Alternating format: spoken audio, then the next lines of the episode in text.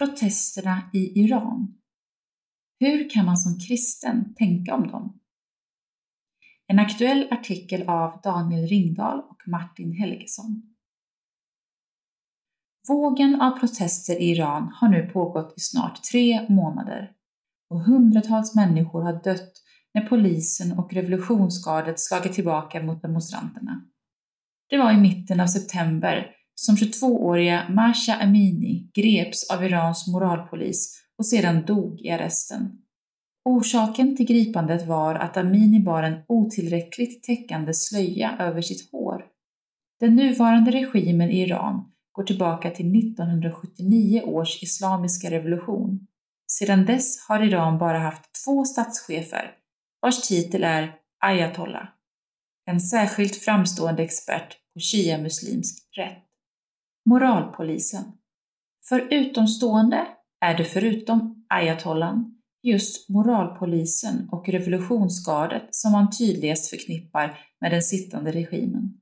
Det sägs finnas cirka 60 000 moralpoliser som patrullerar landets städer och på platsen kan döma kvinnor och män för opassande beteende, ofta kopplat till kläder och utseende.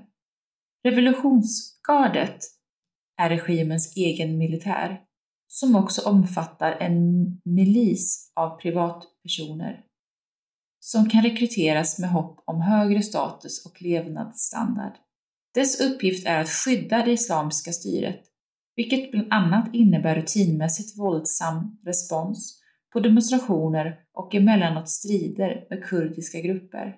Amini var inte bara kvinna utan även kurd, vilket gör den nuvarande konfliktvågen till en infekterad kombination av könspolitiska, religiösa och etniska ingredienser. Totalitära anspråk som kristna är vi vana att skilja på politisk och religiös makt. Det som Luther kallade världsliga respektive det andliga regementet.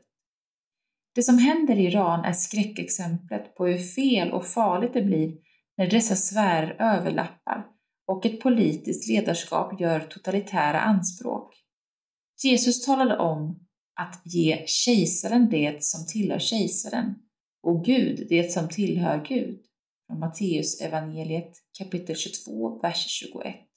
När makthavare anser sig ha rätten till det som bara Gud har rätt att kräva, hjärtats tro och lydnad, gör man inte bara ett politiskt övertramp utan också ett religiöst.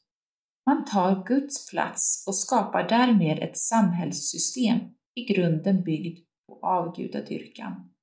Från farao i Andra Moseboken till Roms kejsarkult i Uppenbarelseboken visar den bibliska historien att avgudadyrkan nästan automatiskt leder till andra former av förtryck, så ingen av oss bör vara förvånad när samma mönster upprepar sig i modern tid.